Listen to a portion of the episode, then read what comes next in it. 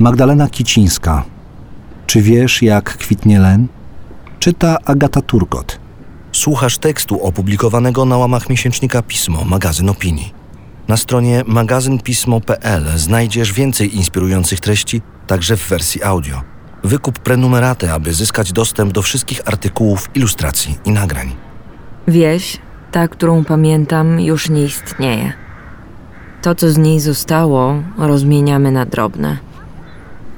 Tego świata już nie ma. Takiego, jaki poznawałam jako mała dziewczynka. Z lasami pełnymi borówek, czystą wodą w potoku i snopami świeżego siana z pierwszego pokosu, z całym zagonem niebieściutkim od kwiatów. Wanda Szado-Kudasikowa, poetka mruży oczy. Nieledwie się obejrzałam, ale to nie jest tak, że od zniknął. Samiśmy go zniszczyli. Mówi i kroi ciasto. W jej dużej kuchni jest przyjemnie chłodno. Za oknem pierwszy tej wiosny skwar.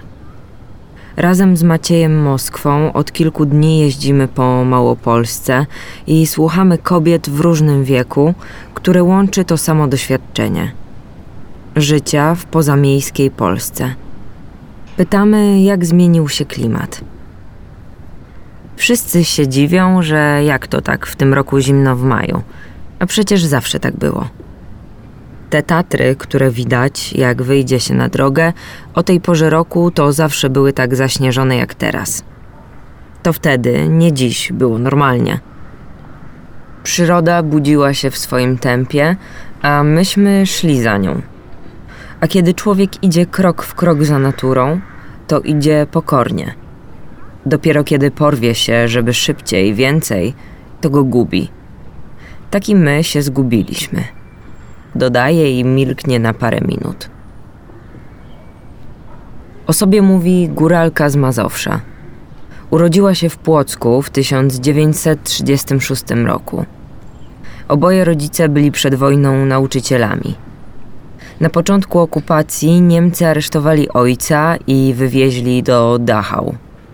Wtedy matka zabrała Wandę i dwoje pozostałych dzieci oraz swoją młodszą siostrę i uciekła na Podhale. W rodzinne strony. Suchemu i szaflarom za to, że ich mieszkańcy tak nas przyjęli, zawsze będę wdzięczna. Dzielili się tym, co mieli, a sami przecież mieli niewiele. Przyjmowali mamę do pracy, żeby mogła cokolwiek zarobić.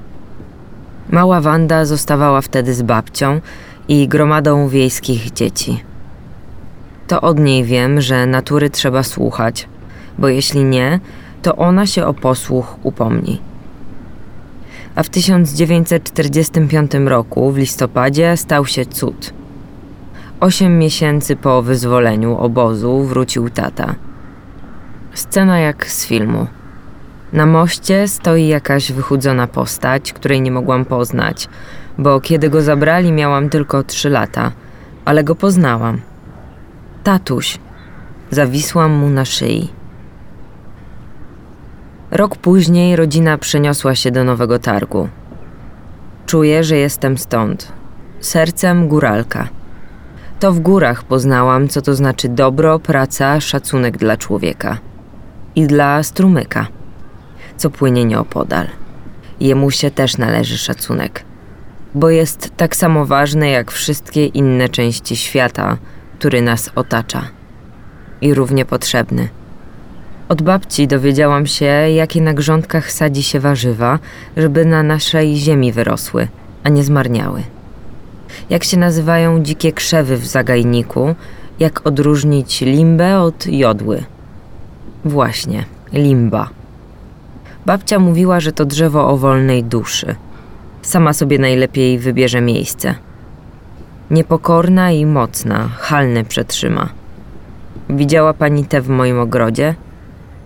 Ostała się jedna z trzech, które dostałam spod Tatr. Pochylona, ale walczy. Przekrzywione drzewo w nowatorskim ogrodzie od szaflar dzieli zaledwie kilka kilometrów. I pasy hałaśliwej zakopianki, po której sznury samochodów w obu kierunkach jadą przez cały rok. Trudno w huku i kurzu wypatrzeć ślady wsi w szaflarach, bańskiej Niżnej czy pobliskim Białym Dunajcu, choć wszystkie formalnie wsiami są. Jak ponad 93% Polski. Tyle zajmują tereny wiejskie. Ich definicja jest szeroka. Wsią jest to, co nie jest miastem. Dlatego mieszczą się w niej i podhalańskie miejscowości turystyczne, i ludna nawojowa. Oficjalnie mieszka tu ponad 3,5 tysiąca osób, która wygląda jak przedmieście Nowego Sącza. I Frywałd, schowany między pagórkami, na których stoją domy z niespełna 270 mieszkańcami. Wsią jest przyklejony płasko do brzegu wąskiego koryta Wisły, Mętków i Brzeźnica. Typowa ulicówka, gdzie domy wybudowano wzdłuż głównej drogi. Wsią są miejsca, gdzie nikt nie uprawia roli. Według opracowania Polska Wieś 2020, raport o stanie wsi z 2020 roku, tylko 22% aktywnych zawodowo mieszkańców wsi prowadzi gospodarstwo w różnym stopniu się w to angażując, a jedynie 10% wyłącznie z niego się utrzymuje. Większość pracuje w mieście. W przypadku Małopolski może to być jedno z pięciu najbardziej zanieczyszczonych miast w kraju. Tutejsze wsie, których 10 odwiedziliśmy, sąsiadują nie tylko z dużymi miastami, metropolią krakowską, Tarnowem, ale też z wielkimi zakładami przemysłowymi i wydobywczymi. Może to również dlatego między kominami, szybami, kopalni i pasami A4 tak trudno je wypatrzeć. A może dlatego, że rozglądam się za obrazem, który nie tylko nie istnieje, ale może w ogóle nie istniał. Za sielanką, mityczną Ukrainą, której bliżej do utopii miejsca niemożliwego, niewydarzalnego. To w dużej mierze wyobrażenie mieszkańców miast. Wyraz tęsknoty za poszukiwaną w przyrodzie prostotą, czasem lęków przed nowoczesnością i jej dystopijnymi zagrożeniami. Wieś jako miejsce, gdzie życie toczy się spokojnym rytmem i w zgodzie z naturą, daleko od szosy. Gdzie mieszkają sami swoi, ludzie wiodący żywot poczciwy. Nie unosi się nad nim fetor z ferm futerkowych. Na horyzoncie nie ma ogromnych chlewni, w których masowo gazowane są świnie. Ziemie są żyzne, nie ma nawet zapachu obornika, a zabita na niedzielny rosół kura nie uroniła w obejściu ani jednej kropli krwi. I choć takiej wsi nigdy nie było, Podobne nostalgiczne opowieści są w kulturze mocno zakorzenione i wciąż na nowo odtwarzane. Choć wspomnienia o wakacjach u babci na wsi zastępuje często Netflixowy seans rancha, kiedyś złotopolskich. Prawdziwa wieś, ta z której przed wojną wywodziło się trzy czwarte polskiego społeczeństwa, to z uwagi na swoje zróżnicowanie przestrzeń bez jednej wspólnej narracji. Jak pisał antropolog Roch Sulima w artykule Społeczne wyobrażenia wsi na przełomie XX i XXI wieku. Symboliczne obrazy wsi rozmyły się.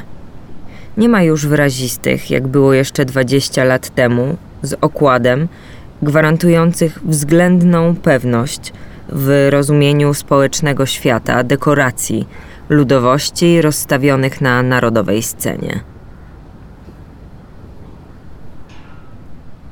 To, co z owej dekoracji zostało, rozpięte jest dziś między wspomnieniem niemożliwego, a tym, co realne i namacalne. Jak choćby dawne PGR-y. I to, jak sobie poradzić z nierównościami, które w efekcie transformacji spadły na ich pracowników.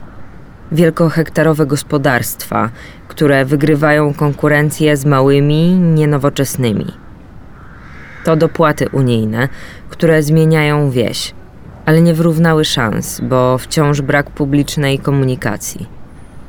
Polski Instytut Ekonomiczny podawał w 2019 roku, że ponad 1 czwarta polskich sołectw nie ma żadnego transportu publicznego. a rozwój infrastruktury, choćby wodno-kanalizacyjnej, nadal przebiega zbyt wolno. Ale to nie wszystkie problemy. Mieszkańcy wsi wskazują też na katastrofę klimatyczną, której skutki dostrzegają i których się boją. Ten strach o przyszłość pojawia się z nienacka. Wśród codziennych zmartwień i zwykłych rozmów można go przeoczyć, ale są chwile, w których obezwładnia. Pierwszy raz w życiu, a chwilę już jestem na świecie, martwię się o to, że może zabraknąć wody. Przyznaje Wanda Szado-Kudasikowa. A przecież bez niej nie ma życia. Nie dodrukujemy jej sobie, nie dokupimy. Ludzie w innych częściach świata już za nią uciekają, opuszczają swoje domy. Boję się, że moje wnuki też będą musiały o nią walczyć. Bardzo się boję. Kiedy to mówi, jej łagodna twarz tężeje. Chwyta końce dużej góralskiej chusty, którą ma na ramionach i strzepuje ją, a później znów zarzuca na plecy tak, jakby miała się tym gestem otrzeźwić, powstrzymać roztkliwienie. Moje wnuki nie będą wiedzieć, co to zaspa. Nie wyobrażą sobie śnieżnych tuneli. Nie znają słów, które opisywały góralską codzienność, bo tak się ona zmieniła, że większość z tych słów wyszła z użycia. Tu zaraz za płotem płynie potok. Niegdyś płynął wartko, a teraz bywają lata, gdy koryto stoi zupełnie suche. Dodaje Elżbieta Poremska-Mendoń – też góralka, właścicielka pensjonatu Moje Tatry w Białym Dunajcu. Kiedy mówi, jednocześnie zbiera naczynia, wydaje polecenia w kuchni, z jadalni przegania psa i jeszcze sprawdza, czy pojawiły się nowe rezerwacje. Ciągle w ruchu. Trudno jej przysiąść choćby na chwilę. O obniżającym się poziomie wód gruntowych słyszeliśmy w każdej odwiedzonej przez nas miejscowości Małopolski o tym, że kiedyś było inaczej. I jedna wykopana studnia służyła mieszkańcom kilkadziesiąt lat. W wielu gospodarstwach pod rynnami stoją zbiorniki do gromadzenia deszczówki. Beczki, cysterny, ale nie nadaje się ona do picia. W innych całe obejścia wyłożone są betonową kostką, która nie przepuszcza wody. Nie da się nie łączyć ze sobą tych elementów działalności człowieka i jej skutków. Nie dostrzegać, że sami to sobie robimy, bo chcemy więcej i więcej. Czerpiemy garściami z zasobów tak, jakby się miały nie kończyć. I nie dbamy o to, co po nas. Dodaje Porębska Mendoń. Prowadzi pensjonat, bo goszczeniem turystów jej rodzina zajmuje się od pokoleń. W dużej sali, na powiększonym przedwojennym zdjęciu, które zdobi całą ścianę, wśród kilku osób siedzących na wozie widać jej babcie. Jadą do morskiego oka, odświętnie ubrani. Na fotografii nie ma Nestora rodu, Pawła Guta Mostowego, ani jego żony Wiktorii z domu Chowaniec, prapradziadków Elżbiety. Już u progu XX wieku prowadzili w Poroninie hotel z restauracją, do którego przyjeżdżali młodopolscy artyści. Jan Kasprowicz, jak głosi rodzinna legenda, opisał w jednym z wierszy upór i siłę Wiktorii. Myślę, że to dzięki obcowaniu z takimi gośćmi, wolnymi, twórczymi, moi przodkowie stali się otwarci na inność, ciekawi jej. Mówi Porębska Mendoń i martwi się o to, czy w przyszłości turyści będą mieli po co przyjeżdżać na Podhale. Szukają tu przecież świeżego powietrza, a z tym jest kłopot. Kiedy tylko robi się zimno, a ludzie zaczynają grzać w piecach, nie da się oddychać. W sezonie wisi smog. Zresztą i teraz, choć to maj, kiedy robi się zimniej, z niejednego komina bucha ciemny, gryzący dym. A przecież to jest najcenniejsze, co mamy – dla ludzi, którzy przyjeżdżają, ale i dla nas samych. Przecież siebie trujemy w pierwszej kolejności. Turysta może pojechać gdzie indziej, ale my tu zostaniemy. Sama już 30 lat temu zainwestowała w geotermię. Na Podhalu mamy taką możliwość, ale wiem, że niewielu poszło tą drogą. Nikt też specjalnie do tego ludzi nie zachęca, ani w to nie inwestuje. A przecież to byłoby rozwiązanie dużej części naszych problemów z powietrzem tutaj, pod Tatrami. Tak się nie dzieje i trudno mi to zrozumieć. Zresztą dla niektórych palić węglem i śmieciami to palić najłatwiej i najtaniej. To się tak łatwo mówi. Wymień piec. Nie pal węglem albo szambo to przeżytek. Jeśli się ma od zawsze kanalizację, ciepłą wodę w kranie, bo podgrzewa ją ciepłownia, a w całym domu rozgrzane w zimie kaloryfery, to się człowiek w ogóle nie zastanawia, że inni też by tak chcieli, a nie mogą. Nie, nie chcą, nie mogą. Mówi Joanna Kurtyka z Brzeźnicy, niewielkiej wsi. Jak mówi, już bez żadnej krowy. Jest działaczką lokalnego koła gospodyń wiejskich i prezeską Stowarzyszenia Rozwoju Wsi Brzeźnica. A te otaczają żwirownie i stworzone w ich pobliżu sztuczne, lazurowe akweny, nad którymi w ciepłe popołudnia grillują i odpoczywają mieszkańcy. Większość z nich na co dzień jeździ do pracy w pobliskim Tarnowie. Protekcjonalne spojrzenie na ludzi ze wsi na pewno nie pomaga w rozwiązywaniu naszych problemów. Brak dostępu do tych podstawowych dóbr to wciąż jeden z nich, dodaje Kurtyka. Do końca 2018 roku siecią kanalizacyjną objęto 60% terenu polskiej wsi, ale w tym tylko 40% budynków mieszkalnych. Wiele wsi jest zbyt małych, żeby to było opłacalne. Jeszcze 13 lat temu w jednej czwartej wiejskich domów nie było łazienki. W 2018 roku nie miało jej już tylko 17% domostw. Oczyszczalni ścieków również nie jest wystarczająco dużo, by odpowiedzieć na zapotrzebowanie.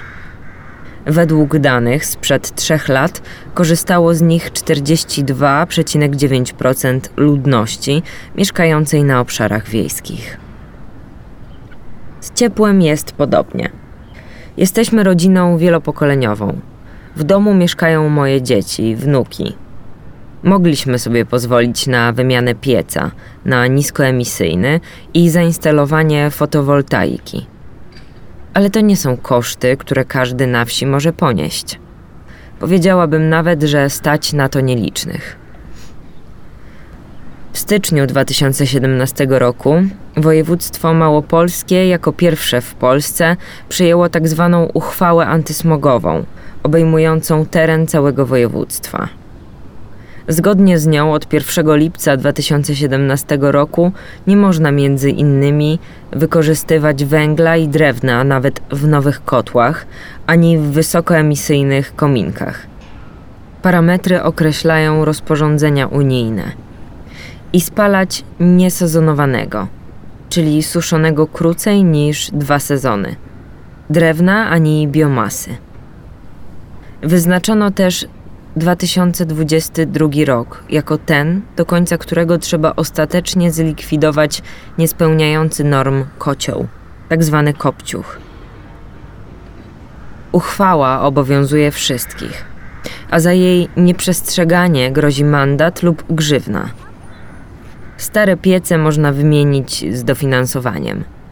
Wysokości nawet do kilkudziesięciu tysięcy złotych w ramach rządowego programu Czyste Powietrze. Joanna Kurtyka. Dla wielu jednak to wsparcie jedynie teoretyczne. Konieczny jest wkład własny, a całkowity koszt wymiany starego pieca i instalacji może wynosić nawet kilkadziesiąt tysięcy złotych.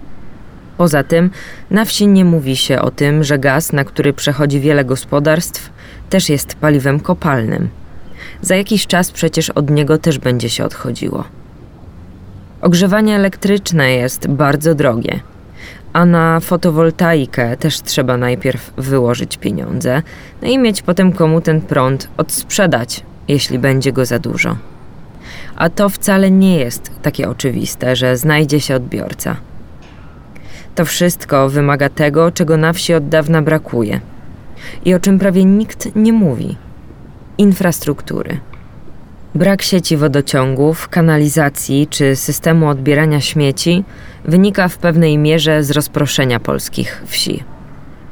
Podłączenie do sieci pojedynczych domów czy oddzielonych od siebie osad stanowi wyzwanie logistyczne, a dla lokalnych samorządów także finansowe.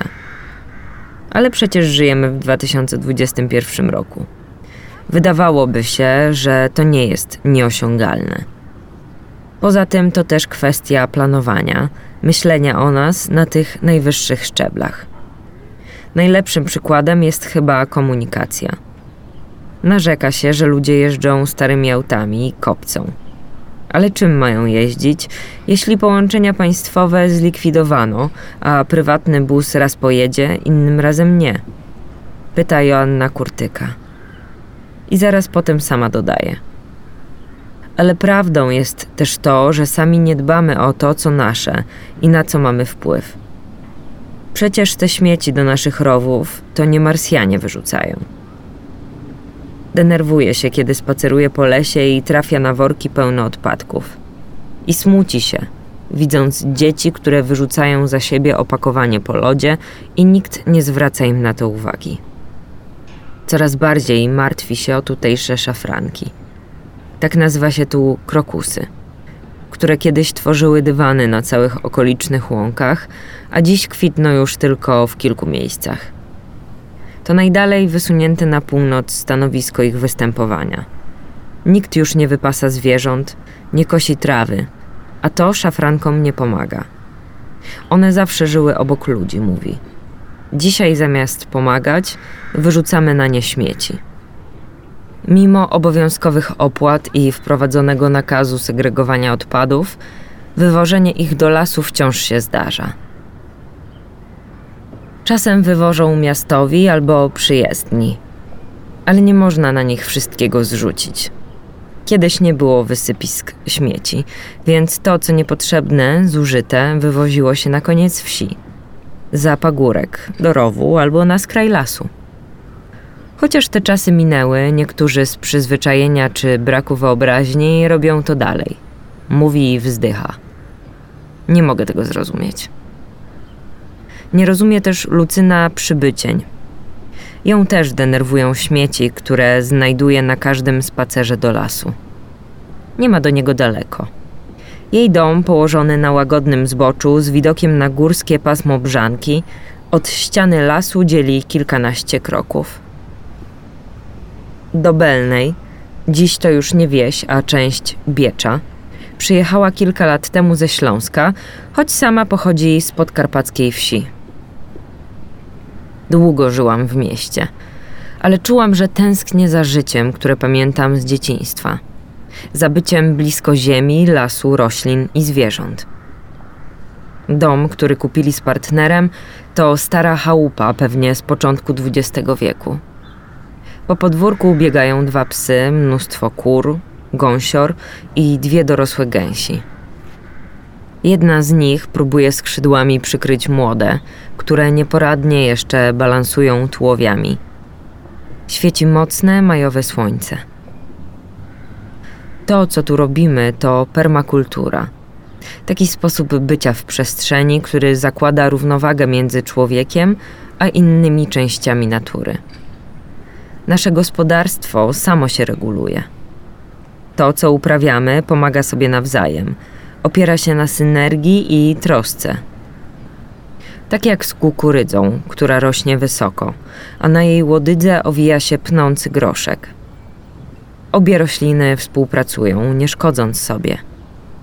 Po to, żeby owady nie zjadły owoców, mojej pracy potrzebny jest ptak albo jeż, który się nimi żywi. Żeby miały gdzie mieszkać, potrzebne są drzewa. Jeden znajdzie dom w gałęziach, drugi w liściach, które jesienią spadną, a których nie wygrabię ani nie spalę. Wszystko jest ze sobą połączone w ciasną sieć – jeśli się gdzieś ją rozsupła, zaingeruje, to niedługo reszta też się rozpadnie. Mówi Lucyna przybycień. Takie gospodarowanie nie jest odpowiedzią na masowe potrzeby. Nie udajemy, że jest inaczej. Ziemniaki, które u mnie urosną, wymagają uwagi, czasu, choćby na to, żeby je dobrze wyściółkować. Takie rolnictwo nie będzie ani bardziej wydajne, ani tanie. Wiem przecież, ile w dyskoncie kosztuje kilogram kartofli. Z tą ceną nie wygram. I jeśli się rozejrzeć dookoła, wiele osób tak myśli. Po co mają się męczyć, grzebać w ziemi, podlewać, doglądać, skoro to się nie opłaca? Pyta, choć raczej retorycznie, bo zaraz sama dodaje: Nie opłaca się, zgoda. Dla mnie to jest jednak ważne i dlatego to robię. W środku domu, w kuchni na parapecie, stoi akwarium. Komuś było już niepotrzebne, wystawił na śmieci, a tu wszystko może się przydać. Hoduje w nim wąkrotkę. Zioło wykorzystywane w tradycyjnej medycynie chińskiej. Bakopa za to coś nie chce mi wyrosnąć, a szkoda, bo dobrze działa na pamięć. Bo zioła i chwasty też zbiera. Na warsztatach, które prowadzi, uczy ich rozpoznawania. Moje lekarstwa, pokazuje rośliny pod drzewem na łące, rosną dookoła. Obiad też. Na przykład pesto z podagrycznika i czosnku niedźwiedziego, bo właśnie teraz jest jego czas. Lubię wiedzieć, co to za kwiatek, co to za chwast. Cały czas się tego uczę. Teraz można sprawdzić po listku przez internet. Kiedyś szukało się w książkach, a jeszcze dawniej ludzie przekazywali sobie tę wiedzę z pokolenia na pokolenie. Dlatego jedno zioło ma czasem kilka, kilkanaście nazw. Od koloru, kształtu liścia albo od choroby, na którą pomagało. Jak ten podagrycznik, którym leczono podagrę, gdzie indziej zwany kozią stopą, gerem, srocyną czy krzemionką. Widzi, że czasem to, jak i co uprawia, podpatrują sąsiadki. Nie stara się ich jednak przekonywać do swoich metod, bo sama też musiała się nauczyć nowego miejsca. To, co pamiętała z dzieciństwa, sprawdzało się na Podkarpaciu, ale tu, gdzie teraz żyje, już nie. Ziemia uczy pokory. To, co urośnie sąsiadce, mnie kawałek niżej na zboczu nigdy, choćbym się nie wiem ile natrudziła. Dlatego trzeba umieć słuchać ziemi, obserwować jak reaguje i jak się zmienia. A zmieniać się potrafi gwałtownie. Kilka dni przed naszym spotkaniem na okalających dom drzewach leżał gęsty, mokry śnieg. Jedno z nich złamał. Na szczęście konary ominęły dach. Ulewy, po których osuwa się ziemia, też wydają się Lucynie częstsze niż dawniej, choć przecież załamania pogody to nieodłączna część natury. Żaden tam wymysł nowoczesności. Dane pokazują jednak, że wraz z nowoczesnością przyszła ich intensywność. Między 1951 a 1981 rokiem odnotowano w Polsce sześć susz – Między 1982 a 2011 trzy razy tyle 18. Zdarzają się częściej. Od 2013 roku nie było ani jednego bez suszy. Podobnie dzieje się z nasileniem innych klęsk żywiołowych, takich jak powodzie, nawałnice, gwałtowne wichury czy gradobicia. Tych skutków katastrofy klimatycznej mieszkańcy wsi są świadomi. W badaniu z 2017 roku, choć niereprezentatywnym, bo prowadzonym na niewielkiej grupie lokalnych liderów, jako jedno z wyzwań przyszłości wskazali oni konieczność prowadzenia polityki ekologicznej minimalizującej skutki ekstremalnych zjawisk pogodowych. Takich jak na przykład powodzie. Te z 1997 roku pamięta bardzo dobrze sołtyska Maria Beretta. Woda dosłownie przepłynęła przez parter jej domu w Lipnicy Dolnej, tuż obok górnej i murowanej. Wsi słynących z wysokich, kilkumetrowych palm wielkanocnych. Dziś koryto leniwie wijącej się rzeki Uszwicy Od kuchni, w której siedzimy, dzieli może 100 metrów. Za oknem słychać pianie koguta. Bo jajka swoje muszą być. Jak to by tak na wsi i bez swojej kurki?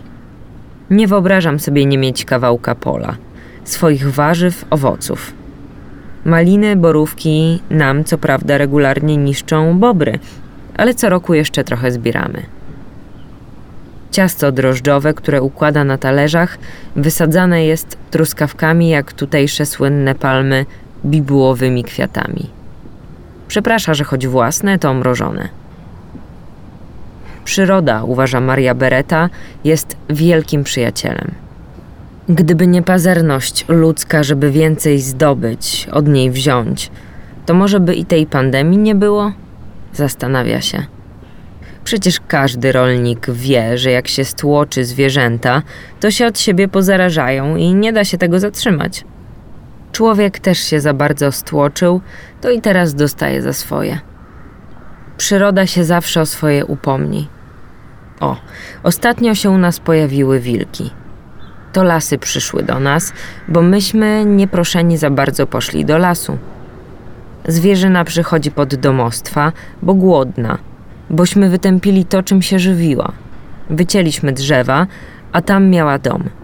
Jak się wszyscy zamknęli w pandemii, to poczuły się wreszcie niezagrożone. Kiedy opowiada o Lipnicy, w której mieszka całe życie, z dumą wspomina o murowanych domach w rynku i drewnianym kościele świętego Leonarda z końca XV wieku, wpisanym na listę Światowego Dziedzictwa UNESCO. Wspomina, że kiedy była dzieckiem, tam gdzie dziś są pola i domy, rosły lasy. Wzgórza pasma szpilówki, u podnóża którego leży jej wieś, gęsto porostały buczyny. W podszycie wiły się bluszcze. Dziś zalesione pozostały już tylko północne stoki wzniesień. Od południa pola uprawne wspinają się coraz odważniej ku szczytom. A jak się tak rozejrzeć po wsiach dookoła, to i tego gospodarzenia coraz mniej. Żeby się opłacało, żeby z gospodarki utrzymać rodzinę, trzeba się unowocześnić. Wydzierżawić albo kupić dużo ziemi, zainwestować w sprzęt. To już nie takie rolnictwo jak kiedyś. Teraz wszystko jest skomputeryzowane, prawie bez ludzi cała obsługa się odbywa. Zniknęły średnie gospodarstwa Dziś albo ktoś uprawia trochę na własne potrzeby, albo produkuje. To dlatego zmienił się wiejski krajobraz. I folklor też się zmienia. Bo to, o czym my śpiewamy w kole gospodyń, słowa piosenek, to jest dla moich wnuków obcy język. One nie wiedzą, co to przednówek, co kierat. Ani kiedy ziemia odpoczywa. Że nic się nie robi, kiedy jest nów, ani w pełni. Ten cykl kiedyś się miało we krwi. Nie trzeba było patrzeć w kalendarz, żeby wiedzieć, co i kiedy sadzić, kiedy zacząć zbiory. Chodziło się w pole wcześnie rano, żeby przed południem jak najwięcej zrobić, tak by konie w największe słońce mogły odpocząć.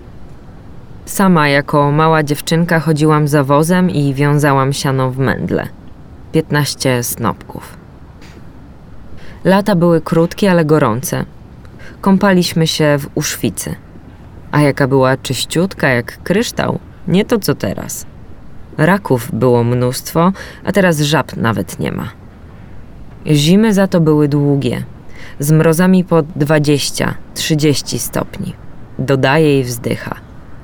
Nie wiem, może to i dobrze, bo przecież praca na roli jest ciężka. A z tym wszystkim, co się dzieje z klimatem, to w ogóle niczego nie można być pewnym.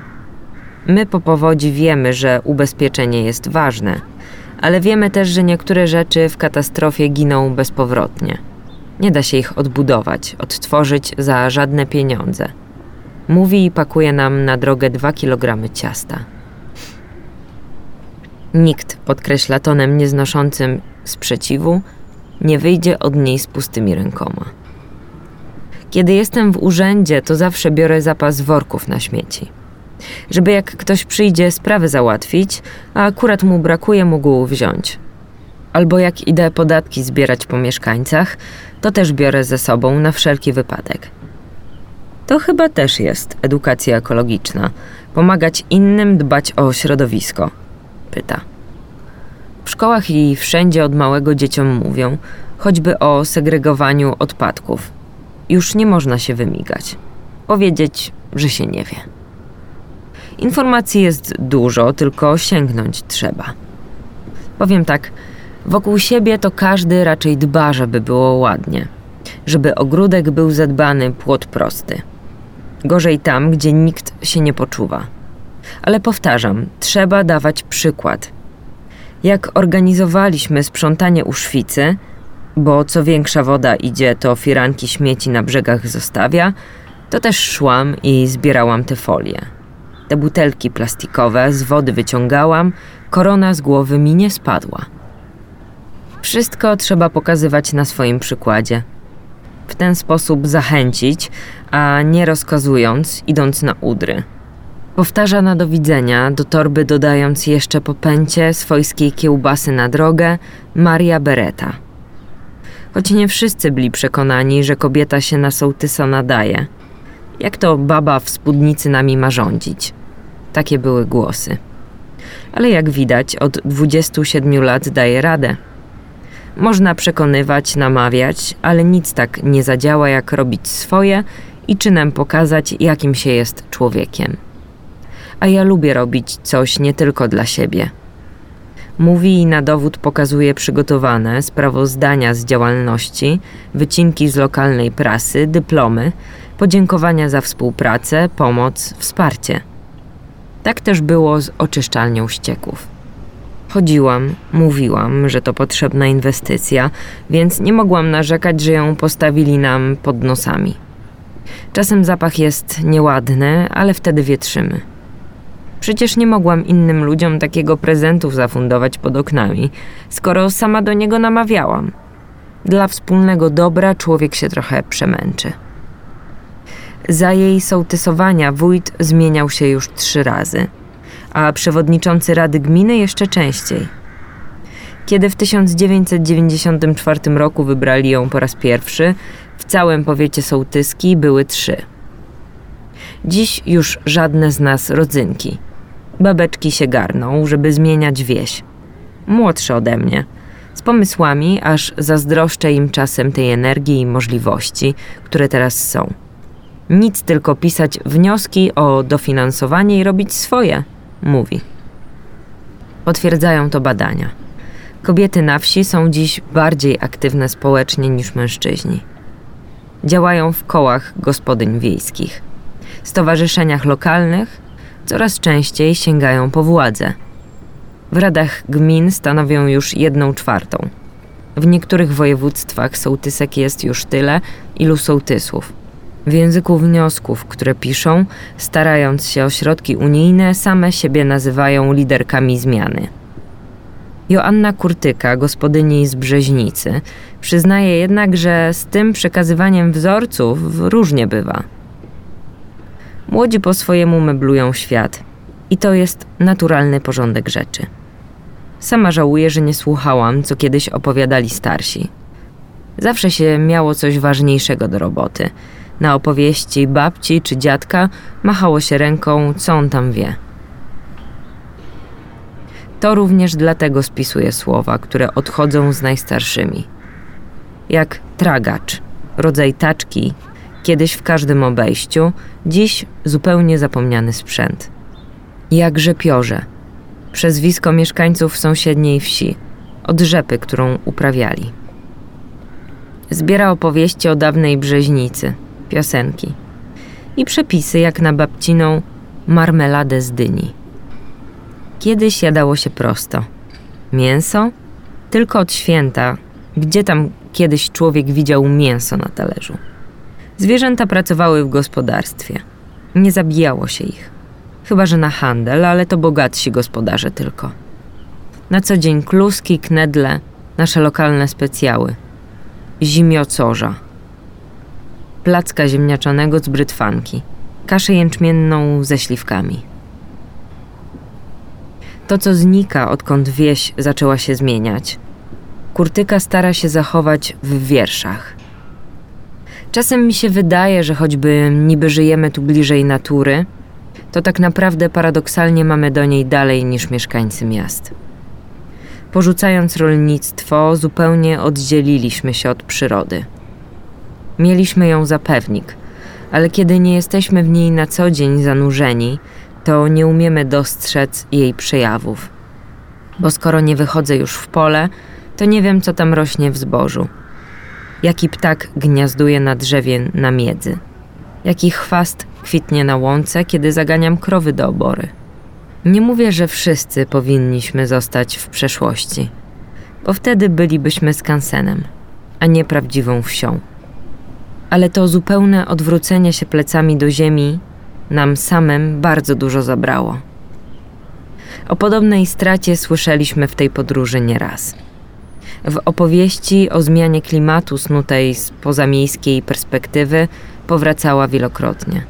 I była równie nieuchwytna, bo wychodziła od ideału, którego choć nigdy nie było, to zostawił ślady w życiu każdej naszej rozmówczyni. Wyraźne i świeże, jakby powstały wczoraj, a nie 20 czy 80 lat temu. Wanda Szado Kudasikowa, poetka z Podhala. Tęsknię za śniegiem leżącym do połowy czerwca i za zimnymi majami, jak tegoroczny. Za limbowymi lasami, za błękitem pól, który w lipcowe dni ciągnął się hen po horyzont, tak że aż zlewał się z niebem. Skąd ten błękit, niebieściutki zagon? A widziała pani, jak kwitnie len? No właśnie. Pani już nawet za nim nie będzie potrafiła zatęsknić. Tekst jest częścią większego projektu Krok za naturą, realizowanego przez Fundację Pismo. Zapraszamy Was na wystawę plenerową w Warszawie i w Krakowie, towarzyszącą materiałowi oraz do wysłuchania podcastów, które przygotowaliśmy. Więcej dowiecie się na stronie magazynpismo.pl ukośnik Krok za naturą. Tekst ukazał się w 43. numerze miesięcznika Pismo, magazyn opinii. Czytała Agata Turkot.